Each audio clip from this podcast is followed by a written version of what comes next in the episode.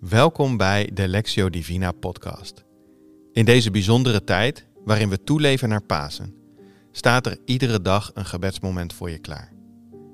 Daarin ontdekken we het grote verhaal van God. Vandaag luisteren we naar Corine Filius.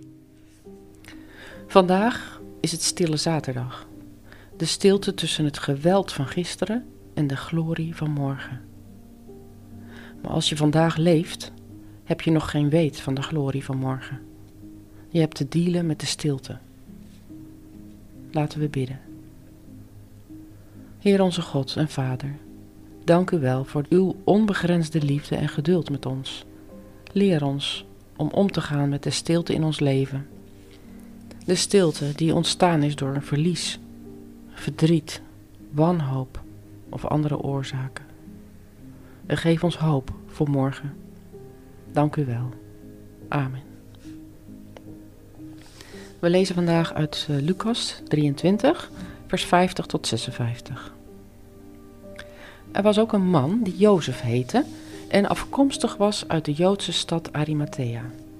Hij was een raadsheer, een goed en rechtvaardig mens, die de komst van het koninkrijk van God verwachtte en niet had ingestemd met het besluit en de handelwijze van de raad.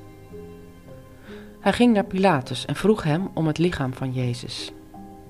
Nadat hij het lichaam van het kruis had gehaald, wikkelde hij het in linnen doeken en legde het in een rotsgraf dat nog nooit was gebruikt. Het was de voorbereidingsdag. De sabbat was bijna aangebroken. De vrouwen die met Jezus waren meegereisd uit Galilea waren Jozef gevolgd. Ze zagen het graf en zagen ook hoe Jezus lichaam er werd neergelegd. Daarna gingen ze naar huis, waar ze geurige olie en balsem bereidden. Op sabbat namen ze de voorgeschreven rust in acht.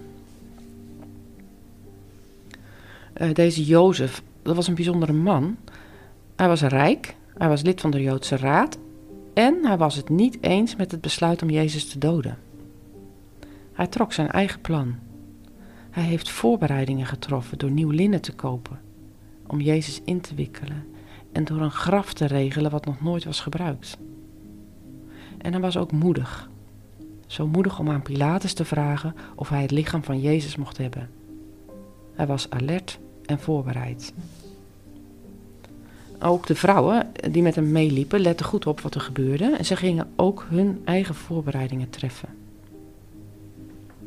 Daarna was er rust, stilte, afwachting verdriet en gemis, wanhoop over wie ze verloren hebben.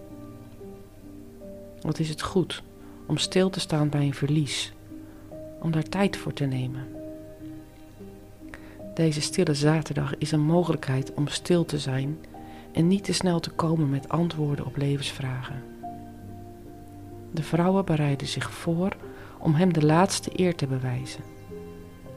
De laatste eer of is dit een tijd van verwachten? Van wachten en verwachting. Neem even de tijd en de rust om de stilte te ervaren. Durf je vandaag de stilte toe te laten? Kan je stilstaan bij jouw eigen verdriet?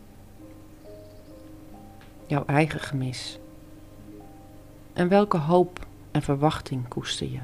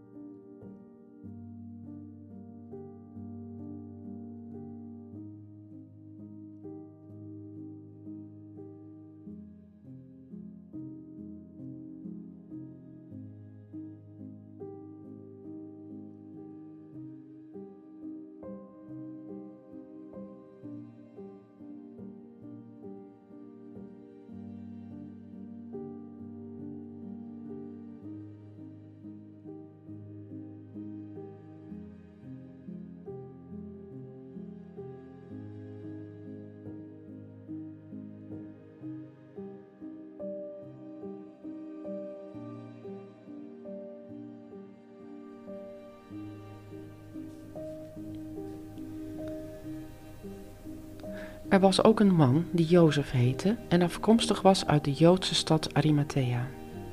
Hij was een raadsheer, een goed en rechtvaardig mens die de komst van het koninkrijk van God verwachtte en niet had ingestemd met het besluit en de handelwijze van de raad. Hij ging naar Pilatus en vroeg hem om het lichaam van Jezus. Nadat hij het lichaam van het kruis had gehaald, wikkelde hij het in linnen doeken en legde het in een rotsgraf dat nog nooit was gebruikt. Het was de voorbereidingsdag. De sabbat was bijna aangebroken. De vrouwen die met Jezus waren meegereisd uit Galilea waren Jozef gevolgd. Ze zagen het graf en zagen ook hoe Jezus' lichaam er werd neergelegd. Daarna gingen ze naar huis, waar ze geurige olie en balsem bereidden. Op sabbat namen ze de voorgeschreven rust in acht. Vader in de hemel, dank dat we weten dat Jezus is opgestaan uit de dood, dat er nieuw leven is, dat de dood is overwonnen. Toch kan in ons eigen leven het verdriet en gemis zo'n grote plaats innemen dat we niet meer toekomen aan de verwachting van nieuw leven. Heere God, help ons in ons verdriet. Troost hen die lijden aan gemis. Laat ons ervaren dat er nieuw leven mogelijk is. De Heer zegent jou vandaag met aangename stilte en vrede in je hart. Amen.